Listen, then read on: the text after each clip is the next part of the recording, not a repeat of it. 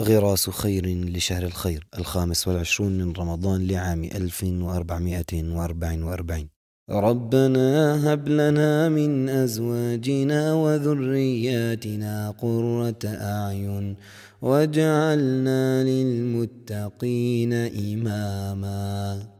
الولد نعمة من الله وأمانة لوالديه غنماها وعليهما غرمها تريد أن يكون قرة عين لك في الدنيا والآخرة. عليك أولا أن تبره وتعطيه حقوقه كاملة.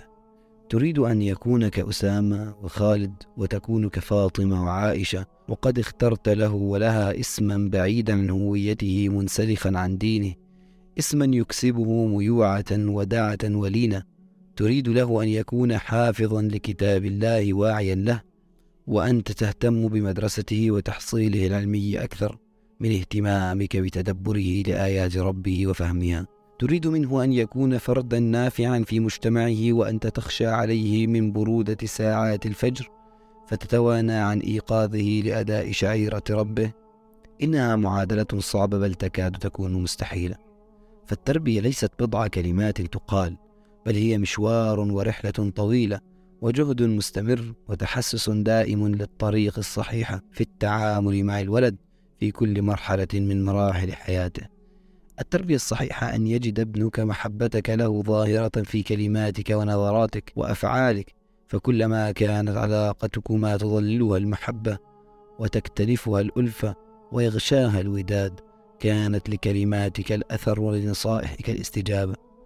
التربية الصحيحة أن يرى فيك القدوة العملية فمن هجر المسجد والجماعات لا ينتظر من ابنه أن يكون من أهل الصلاة. ومن هيأ لنفسه وبنيه جو المعاصي والمحرمات فلا ينتظر من أولاده أن يكونوا من أهل التقى والعبادات.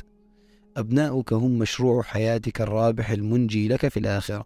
فأحسن الحرث والبدر لتنال الثمر يوم الفوز الأعظم. وكلل ذلك كله بالدعاء لهم فهذا شيمة الأنبياء والأتقياء. اللهم اجعل أبناءنا هداة مهتدين غير ضالين ولا مضلين.